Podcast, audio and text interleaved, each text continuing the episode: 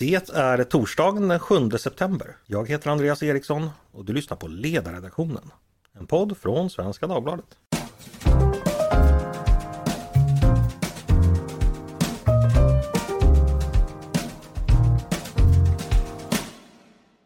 Varmt välkomna! För snart 20 år sedan, närmare bestämt den 14 september 2003, röstade svenska folket nej till att införa euro som valuta. Resultatet i den folkomröstningen blev ganska tydligt. Hela 56 procent röstade nej till förslaget. Ungefär 42 procent röstade ja. Under många år därefter var frågan om ett svenskt e- eh, euromedlemskap, om inte död så i alla fall ganska vilande. Men det har hela tiden funnits anhängare av den idén och på senare år har det pratats mer och mer om att Sverige ändå borde gå med. Några som aldrig gett upp hoppet, det är förstås Liberalerna som senast i våras föreslog att en utredning skulle ta sig an frågan. Under tiden som gått har 20 länder hunnit skaffa sig euro som valuta. Senast Kroatien som gick med förra året. Vilket innebär att ungefär 350 miljoner europeer numera använder den för att handla med. Kring medlemskapet finns många argument både för och emot, såväl strikt ekonomiska som andra. Och idag tänkte vi ska fördjupa oss lite i de ekonomiska. Har argumenten för euron stärkts eller försvagats under det år som har gått sedan vi folkomröstade? Skulle Sverige ha tjänat på att införa euron som valuta redan då 2003? Och vilka fördelar och nackdelar och vilka risker och möjligheter finns det med det här valutasamarbetet inför framtiden? Med mig för att fördjupa mig i dessa frågor har jag två gäster, nämligen Lars Calmfors, professor emeritus i internationell ekonomi och forskare för, vid Institutet för näringslivsforskning. Varmt välkommen hit Lars! Tack! Och Fredrik NG Andersson, docent vid Nationalekonomiska institutionen i Lund. Välkommen du också Fredrik! Tack så mycket! Lars, du är ju, om jag uttrycket tillåt, en veteran när det gäller den här diskussionen. Du var med redan och utredde frågan på 1990-talet. Då landade du att Sverige borde avvakta, vilket också ju blev vår linje. Nu säger du att det är dags att gå med. Varför det? Ja, jag, jag, tycker balansen mellan olika argument har förändrats. Eh, alltså det är en avvägning. Det finns vinster eh, i form av mer handel och som kan ge viss eh, ökad tillväxt. Och jag menar också att det finns politiska vinster. Men vi såg ju då på eh, mitten av 1990-talet, vi såg det som en stor stabiliseringspolitisk nackdel att i det läget gå med. Alltså då var ju fortfarande arbetslösheten väldigt hög efter 1990-talskrisen. Statsskuldproblemen var stora och det hade ju betytt att om vi hade drabbats av en annorlunda konjunkturutveckling än andra länder i Europa då skulle vi inte ha kunnat använda en stimulerande finanspolitik för att hantera det. Eh, därför att finanspolitiken då var ju helt inriktad på att sanera statsfinanserna. Men det där har ju ändrats i grunden att nu har vi ju väldigt starka statsfinanser. Alltså då hade vi en eh, eh, så kallad Maastrichtskuld, alltså det som man mäter statsskulden på mellan 70 och 75 procent. Idag så är den nere på 33 procent och det ger ju oss helt andra möjligheter att använda finanspolitiken istället för penningpolitiken om vi inte längre har kontroll över den. Och det har för mig så att säga förskjutit eh, balansen. Eh, men jag menar, helt uppenbart som, och som kommer att framgå av vår diskussion så finns det både för och nackdelar. Så det, det, är ingen enkel kalkyl utan det beror ju på hur man väger olika saker. Och för mig så har nu balansen tippat över. Det betyder inte att jag är någon aktivist som bara ser fördelar med ett euromedlemskap. Men balansen har ändrats för mig. Mm, Okej. Okay. Eh, Fredrik, har du tagit ställning till den här frågan i form av ett eh, ja eller ett nej? Eh, och hur lyder din, ditt svar i så fall? Jag har alltid varit väldigt skeptisk till euron. Eh, jag har väldigt svårt att se att så här pass olika länder ekonomiskt, politiskt, kulturellt ska kunna samlas och ha en så pass kraftfull och gemensam ekonomisk politik som det krävs för att man ska kunna ha en gemensam valuta. För att det handlar inte bara om att man har samma pengar. Det sker också in på väldigt många andra områden. Eh, och tittar vi sedan euron infördes så euron har överlevt. Euron finns, fungerar som ett alldeles utmärkt betalningsmedel när man är i Europa. Men euroländerna har ju också haft problem med sina ekonomier, eh, vissa av dem, väldigt allvarliga, där man kan säga att det hade varit bra om haft, haft en växelkurs som draghjälp eh, för att kunna lösa de här problemen. Vi kan också säga att svensk ekonomi ligger i, i topp när det kommer till tillväxt bland västeuropeiska EU-länder, euroländer. Eh, så vi har ju inte missgynnats av att stå utanför. Så för mig är det fortfarande balansen här att jag har svårt att se vinsterna med valutan i praktiken. Men jag ser fortfarande de stora riskerna om någonting händer. Mm. Jag skulle säkert klara det alldeles utmärkt i goda tider men om någonting händer då, då är det bra att ha en växelkurs att, att hjälpa oss igenom problemen. Just det. Say hello to a new era of mental health care. Cerebral is here to help you achieve your mental wellness goals with professional therapy and medication management support. 100% online. You'll experience the all new Cerebral Way, an innovative approach to mental wellness designed around you. You'll get a personalized treatment plan from a therapist, prescriber, or both in a safe and judgment free space. Your cerebral therapist or prescriber will outline a customized plan with clear milestones along the way so you can get to feeling your best. With Cerebral, you're not alone in your mental health journey. We're here to empower you to live a fulfilling life.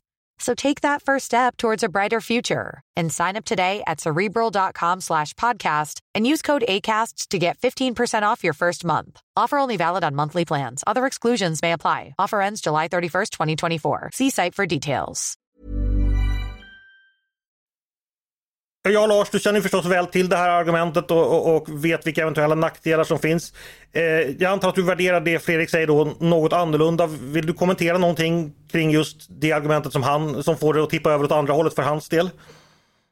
Nej, men alltså det Fredrik tar upp, det är vi ju helt överens om att eh, det sannolikt är en viss stabiliseringspolitisk nackdel att, eh, att ha en gemensam valuta. För då har man inte möjligheterna till en egen penningpolitik och växelkursförändringar som, som hjälper upp om man drabbas av en väldigt annorlunda konjunkturutveckling än, än, än andra länder. Eh, men, och det var ju det så att säga, som, som motiverade varför jag och den eh, EMU-utredning som jag ledde då i mitten av 1990-talet ville att Sverige skulle vänta. Men, men som jag sa, för mig så har balansen då ändrats nu när eh, vi har helt andra möjligheter att ersätta penningpolitik i ett sådant läge med eh, finanspolitik. Men eh, det är ju helt riktigt som Fredrik säger att vi kan ta Finland som exempel. De drabbades ju just av en sån här annorlunda konjunkturutveckling efter 2010 när Nokia fick stora problem och samtidigt fick de stora problem i eh, stålindustrin och skogsindustrin.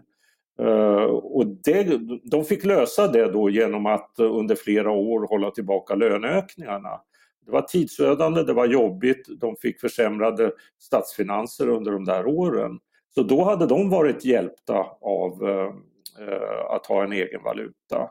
Så att eh, jag, jag, tror inte det finns någon oenighet om, om att den risken finns. Sen har vi den här andra frågan då om att man slipper växelkursstörningar Eh, om man har en gemensam valuta. Och det där spelade vi ner eh, väldigt mycket. Vi trodde inte att det skulle vara något stort problem. Eh, det har inte, för det tycker jag, även om kronan, och vi kommer säkert att diskutera det, även om kronan då har försvagats eh, och svängt mycket, eh, så har inte jag sett det som ett stort problem förrän nu. Så att säga. Just i dagsläget är det ett stort problem. Eh, så att eh, skulle ändå inte vilja lägga för stor vikt vid situationen som den är just nu. Men det, det, det har ändå fått mig att eh, också där ändra balansen lite. Att jag, jag, tror att risken för växelkursstörningar är större än vad vi trodde då i eh, mitten av 1990-talet. Mm. Vi ska återkomma till, till kronan och, och växelkursen. Eh, jag tänkte först bara fortsätta fråga dig om just det där för att nu har ju eurosamarbetet 20 år på nacken och vad jag vet så är det unikt så tillvida att det var första gången så stora och utvecklade ekonomier gick samman på det här sättet. Och det kanske var svårt att förutsäga innan det så att säga skulle ske. Vad säger du Lars, nu när vi har sett euron i, i praktisk verksamhet i över 20 års tid. Är, är det, ha, har, vi, har ni nationalekonomer lärt er något, något nytt? Är det något som har överraskat er eller hur, hur mycket har så att säga praktiken visat sig annorlunda än vad ni tänkte på, på 1990-talet? Ja, det är klart att vi, vi förutsåg ju inte den eurokris som blev. Uh, inte, inte att det skulle kunna bli så mycket problem. Uh, nu tror jag att det till, till viss del så var det barnsjukdomar, alltså att när man införde euron då sjönk ju räntorna väldigt kraftigt i, i länderna i Sydeuropa. Uh, när man inte längre behövde vara rädd för att de, de skulle kunna devalvera.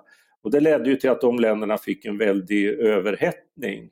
Och det där så att säga, mötte man inte med en tillräckligt restriktiv eh, finanspolitik.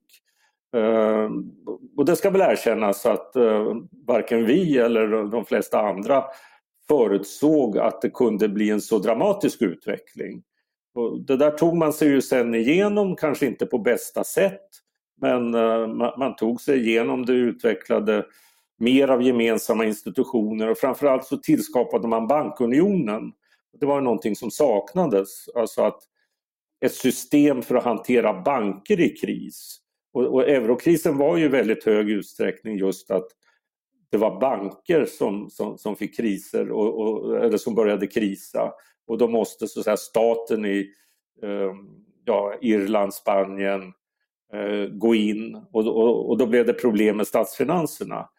Eh, och bankunionen, visserligen fullständigt, fortfarande ofullständig, men man har ändå tagit steg som så att säga, bättre kan hantera eh, och förebygga eh, bankkriser. Och det, det tycker jag är något positivt som har hänt. Mm. Då ska vi övergå och prata lite det här med växelkursen för det är någonting som många tänker på just nu. Eh, för den politiska debatten har den allt svagare kronan blivit relevant. Många är bekymrade över detta. Idag kostar en euro nästan 12 kronor. För 10 år sedan fick man ge ungefär 8,50. Det innebär alltså att euron har blivit ungefär 40% dyrare ifall man vill köpa den med svenska kronor. Det har väl alla som regelbundet besöker euroländer märkt av. Eh, Fredrik, vad beror det här på? Eh, det är svårt att ge en, en fullständig förklaring till varför kronan tappat i värde. Eh, en, en faktor som vi kan säga är att efter 2010 så har svenska löner och priser stigit snabbare jämfört med Europa. Eh, och det har gjort att eh, våra företag har förlorat, skulle ha förlorat i konkurrenskraft om inte kronan hade kompenserat. Så en del av kronförsvagningen beror på att svenska löner och priser är högre jämfört med Europa. Och man kan förklara utgången i, i euron från 9,25 före finanskrisen till kanske 10,50, 11 kronor och liknande idag med att, vi har haft det här högre kostnadstrycket jämfört med Europa. Sen har vi ju sett under 2023 att kronan har tappat ännu mycket mer i värde och det där kan vi bara spekulera kring eh, vad det beror på. Men, men, en hel del av kronförsvagningen beror på de, vad vi kallar makroekonomiska fundamenta, priser och löner. Okej. Eh, Lars, vad säger du? Det faktum att kronan har försvagats det senaste decenniet, är det ett argument för att vi ska införa euro? Och i så fall varför? Eller är det inte det? Nej, jag fäster inte så stor eh, vikt egentligen just vid, vid kronförsvagningen. Utan eh, jag menar, huvudargumentet är ju att har man en egen valuta då kan den svänga ganska mycket. Och det där är någonting som alla aktörer vet i utrikeshandel och, och, och banker. Och det håller tillbaka handeln. Och den stora vinsten är ju, har man en gemensam valuta då kan inte det inträffa mellan de länder som, som har det. Så det är väl det man, man ska eh, lyfta fram. Sen eh, tycker jag det är lite mer komplicerat än, än som Fredrik eh, uttrycker det. Att det, det, är ju riktigt att vi har inte ska vi säga, realt sett blivit så mycket fattigare. Där, därför att eh, kronförsvagningen har delvis motsvarats, precis som Fredrik säger, av något högre pris och lönestegringar i Sverige.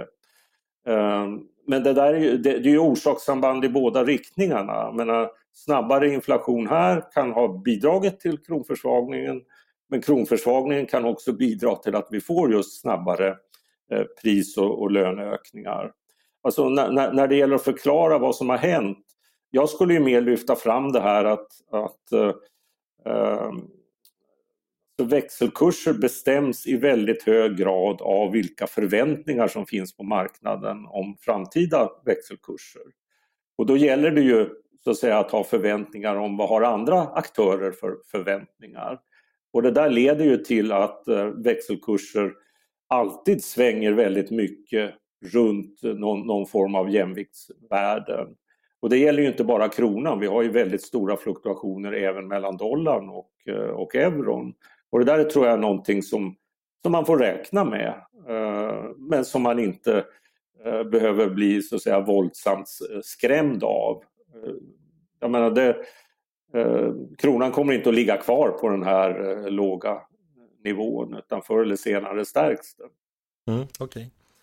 Eh, en fråga om ett argument som, ja, Lars har redan varit inne på det lite, men det är det här med att det har framställts som väldigt viktigt att Sverige ska kunna föra en självständig penningpolitik som passar just våra förutsättningar och, och vår ekonomi. Eh, Fredrik, vad säger du om det argumentet och vad, vad, vad, vad har lär oss de senaste 20 åren oss om det? Har, har, har Sverige kunnat föra en mer självständig penningpolitik och har det gynnat oss? Och hade det missgynnat oss ifall vi hade varit med i euron? Vad, hur tycker du facit ser ut där?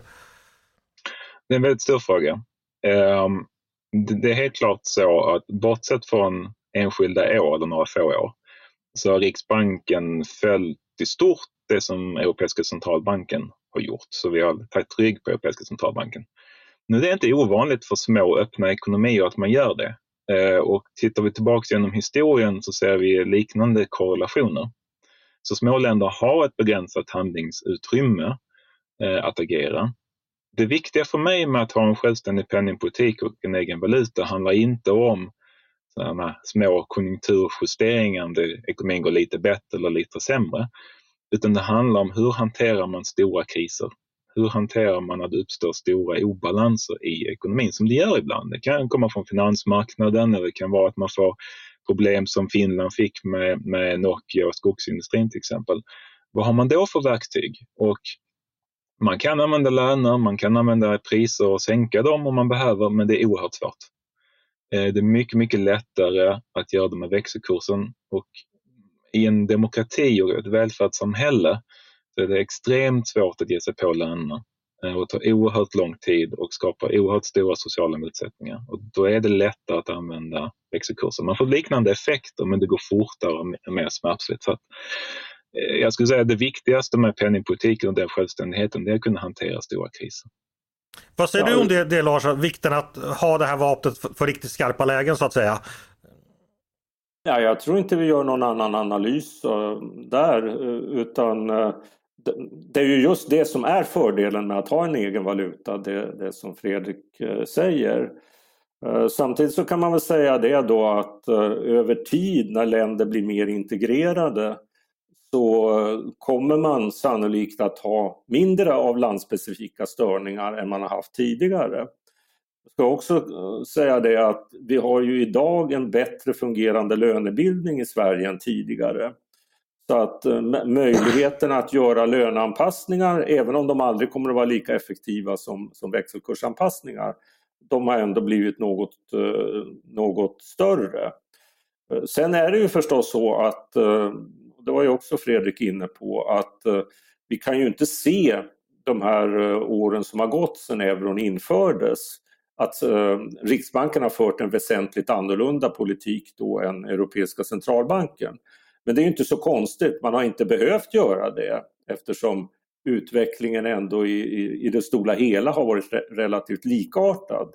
Så man kan inte ta så att säga just det, det faktum att eh, vi inte har avvikit. Det, det, det, betyder inte att vi inte kan avvika. Eh, så att eh, alltså, Fredrik och jag väger det här argumentet lite olika. Men, men eh, så att säga, principiellt tror jag vi är helt eniga om alltså att det här skulle vi gå med euron så förlorar vi någonting här. Så det, det, det, är så att säga på minussidan. Sen väger Fredrik det lite tyngre än vad jag gör. Eh, men, men jag menar, kvalitativt gör vi samma analys, tror mm. jag. Ja, det stämmer helt. Det handlar ju om vilka risker finns det, vilka vinster finns det och jag har svårt att se vinsterna eh, som vi haft bättre tillväxt än euroområdet. Eh, det finns ju, pratat om växelkursen, men det finns ju också andra eh, kostnader med eurosamarbetet. Eh, I och med att vi har stått utanför så vi, har vi inte behövt delta fullt ut i alla de här räddningspaketen som har funnits för de högt skuldsatta länderna i södra Europa. Eh, det var ju Storbritannien som började med att säga stopp, det där vill vi inte vara med om och vi tog rygg på det. Eh, och som skattebetalare i Sverige så är jag ganska glad för att vi inte ansvarar för skulderna i södra Europa. Och det gäller ju också bankunionen. Ja, där blir man ju delaktig i, i, i om det blir problem med bankerna i, i andra europeiska länder. Ja, samtidigt som det eh, också där går i båda riktningarna. att eh, vi har ju i Sverige vi har en stor banksektor och, och, och känslig banksektor så att eh, man kan ju också se det som en fördel att om vi vore med i bankunionen som vi skulle behöva vara om vi går med då i, i valutaunionen då skulle också vi få hjälp om det blev en nationell finanskris. Och det har vi ju sett att även det kan också inträffa i Sverige. Det var ju det som det gjorde då på, på 1990-talet.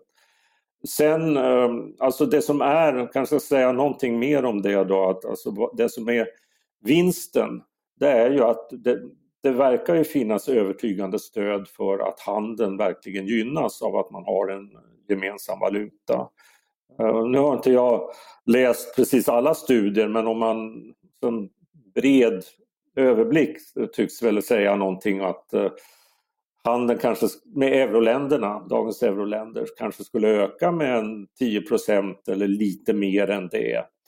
Eh, och det skulle sannolikt ge, oss då en bättre användning av våra resurser. Det skulle ge oss lite högre produktivitetstillväxt varje år. Eh, alltså någon tiondels procentenhet eller ett par Eh, kan låta lite men eh, det där ska man ju sen kumulera över många år och då kan det bli eh, en hel del. Och där har vi ju ett stöd så att säga för att de effekterna finns. Det kunde vi inte veta. Vi kunde gissa oss till det men eftersom det inte fanns någon motsvarande valutaunion att jämföra med så ja, hade vi väldigt lite att hjälp att kvantifiera det här. Eh, innan valutaunionen startade. Och där är jag lite mer eh, övertygad nu om att det finns ändå betydande effekter på sikt. Inte från en dag till en annan naturligtvis.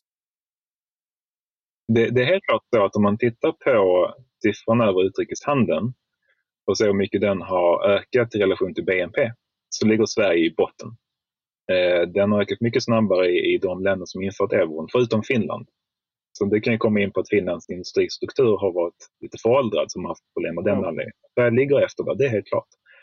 Eh, sen hade det gett oss ännu högre tillväxt än vi haft eftersom vi nu ligger väldigt mycket över eh, euroländerna. Det är lite mer tveksam till. Jag tror inte det spelar så pass stor roll.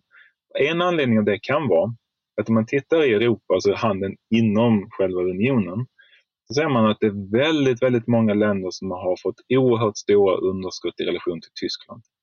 Så att man, man lånar stora, stora summor pengar av Tyskland för att, att kunna konsumera.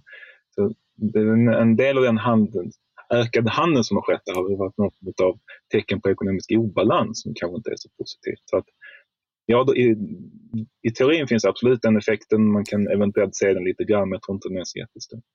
Ja, nej men alltså vi, vi, vi ska inte vara oeniga för, eh, för sakens skull. Att eh, jag håller med eh, alltså så tillvida som jag tror att det finns många andra faktorer som är mycket viktigare för produktivitetstillväxten än den handel som skulle skapas av, av, av euron. Samtidigt så tror jag att det finns en effekt där, för det tyder forskningen på. Men eh, det är inte så att eh, om jag skulle leta över det främsta som man kan göra för att eh, öka tillväxten, då skulle inte jag heller välja just eh, att införa euron. Eh, så att, ja, jag men, tror men, inte vi ser så olika på det heller faktiskt. Du, du gör mig ändå lite lättad Lars, för att jag måste bekänna, bekänna att jag var verksam i folkomröstningen 2003. Det var mitt sommarjobb. Jag, jag pluggade på den tiden och jag sommarjobbade som, som eh, valarbetare helt enkelt. Och vårt trumfkort då i samtal med väljarna, det var vad vi kallade kedjan. Förmodligen uppfunnet mellan kommunikationsavdelningarna på Storgatan och Sveavägen 68. Och den kedjan såg ut så här att Sverige är ett land som handlar mycket med utlandet. Euron kommer underlätta handeln och handeln kommer innebära ja, att det går bra för våra företag. Och går det bra för våra företag så blir det mer skatteintäkter och mer skatteintäkter ger mer välfärd. Och det var med den här ja, djupsinniga analysen vi skulle övertyga väljarna. Det låter i alla fall som att jag har i alla fall inte ljugit väljarna rakt upp i ansiktet, tolkar jag dig Lars med, med det argumentet. Även Nej, fast men, det kanske inte är jättestarkt. Nej men det fanns kanske andra som gjorde det. Alltså som, som jag minns äh, ja-sidans främsta argument så var det väl att euron ger mer handel, handel ger mer tillväxt, tillväxt ger, äh, ger fler jobb. Ja, just, just så var det ju också. Ja, men, men eh, alltså, problemet med det argumentet var ju att den tillväxt som kan skapas med en gemensam valuta det är ju produktivitetstillväxt, det är ju inte tillväxt i sysselsättningen i första hand.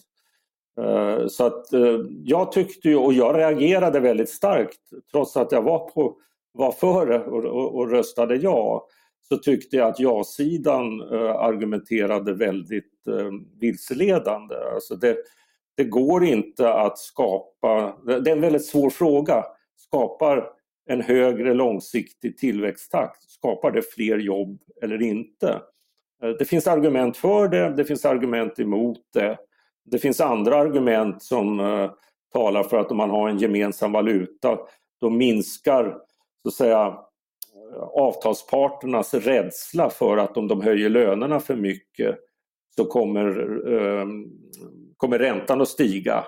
Eh, det vet de ju idag, så att, säga, att Riksbanken då skulle eh, hoppa in och, och, och, höja räntan om, om, om löneökningarna blir inflationsdrivande.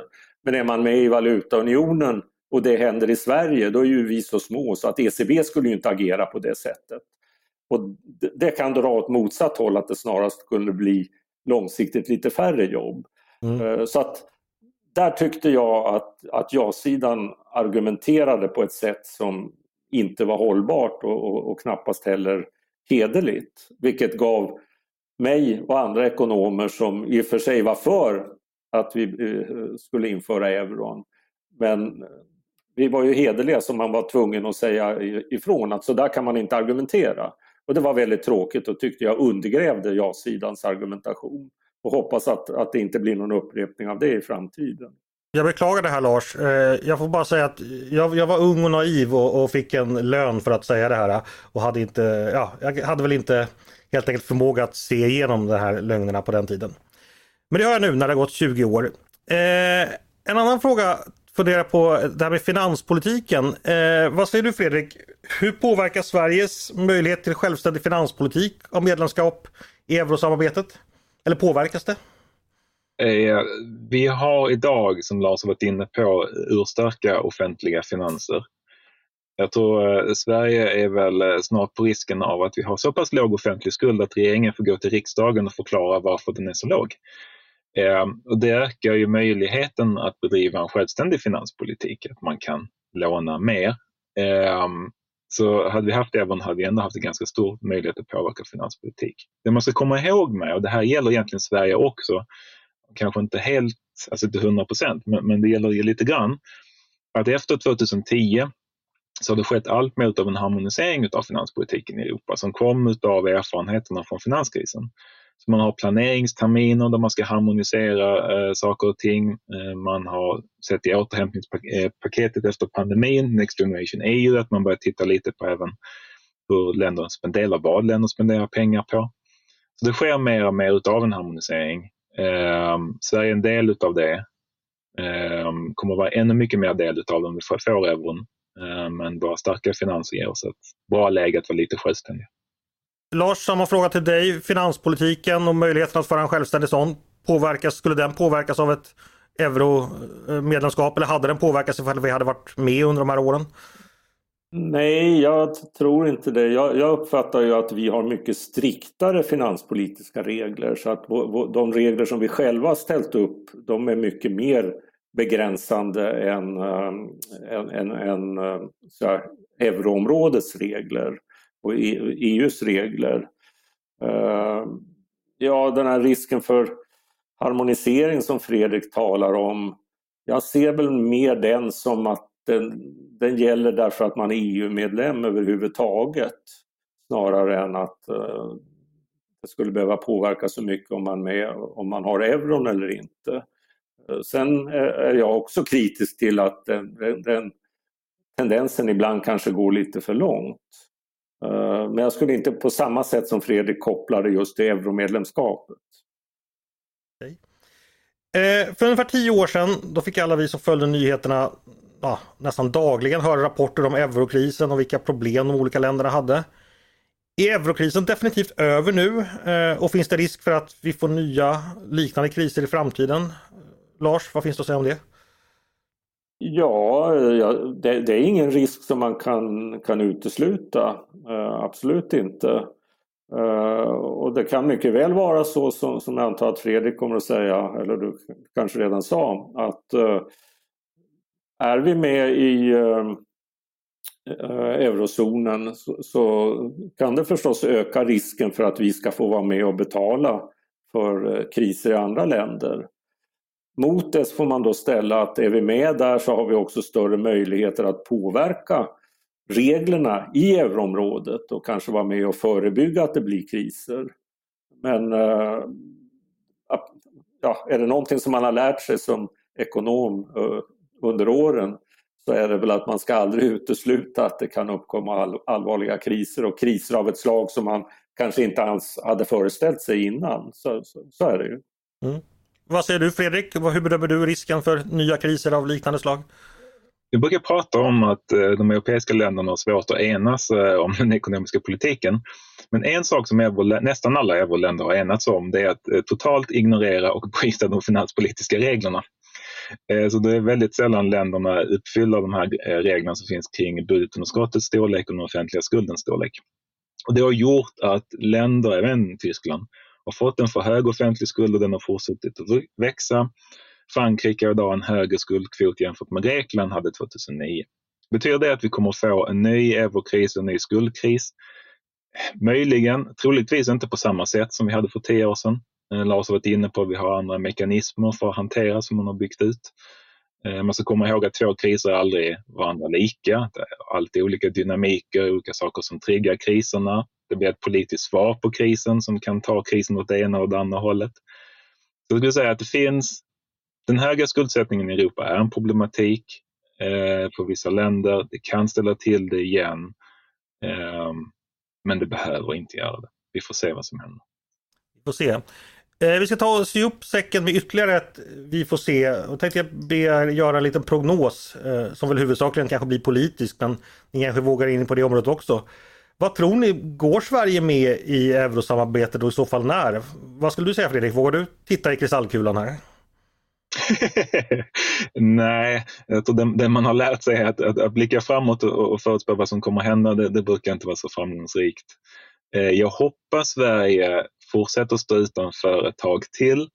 Eh, vi har ingenting att vinna att gå med just nu. Om vi är med om 30 år, eh, det ska jag låta vara osagt. Vi kanske inte har, ens har pengar som vi har idag om 30 år. Det kanske bara digitala valutor, vem vet? Okej. Okay. Eh, Lars, vågar du dig på en spådom i den här frågan? Sverige och euron, vad kommer hända? Ja, alltså vi har ju nu väldigt mycket diskussion i frågan eh, som plötsligt då har eh, skjutit fart. Och det har förstås att göra med kronans försvagning. Det har väl att göra med eh, hur vi ser på Sveriges plats i, i världen eh, med Ukraina-krig och, och, och geopolitiska spänningar. Och det har att göra med att det är 20 år sedan, eh, sedan folkomröstningen, därför vi har den här podden också. Men jag tror ändå att det, det, kommer att ta tid innan det blir en, en riktig politisk fråga. Och det har att göra då med att Tidöpartiernas samarbete skulle väl inte hålla för eh, så att, säga, att, att, att, frågan skulle bli skarp. Jag kan ju också tänka mig på den socialdemokratiska sidan att man det kan finnas en rädsla där för att eh, eh ja, frågan ska skapa splittring inom partiet som det ju gjorde tidigare. Men jag gör samma reservation där som, som Fredrik. Eh, men ja, med argumentet då att det gick ju en gång i tiden väldigt fort när vi, eller när Socialdemokraterna bytte inställning eh, när det gällde EU-medlemskapet. Och ja, senaste året här har vi ju upplevt en väldigt snabb positionsförflyttning när det gällde NATO-medlemskapet. Så att eh, saker kan hända väldigt hastigt, helt klart. Så är det verkligen. Svensk politik kan överraska och ja kan bli nej väldigt fort. Det har vi sett vid många tillfällen. Eh, stort tack Lars Kalmfors och Fredrik NG Andersson för att ni gästade mig idag och pratade om euron. Tack så mycket! Tack, tack. tack själv! Och tack också till er som har lyssnat på dagens avsnitt av Ledarredaktionen. En podd från Svenska Dagbladet. Ni är varmt välkomna att höra av er till redaktionen med tankar och synpunkter på det vi har precis diskuterat. Eller om ni är arga på mig för att jag råkade övertala er att rösta ja till euron med felaktiga argument den gången för 20 år sedan. Får ni gärna höra av er. Jag beklagar redan på förhand. Eller om det är så att ni har idéer och förslag på saker vi borde ta upp i framtiden. Då är det bara att mejla till ledarsidan snabla svd.se. Dagens producent, han heter Jesper Sandström. Själv heter jag Andreas Eriksson och jag hoppas att vi hörs snart igen.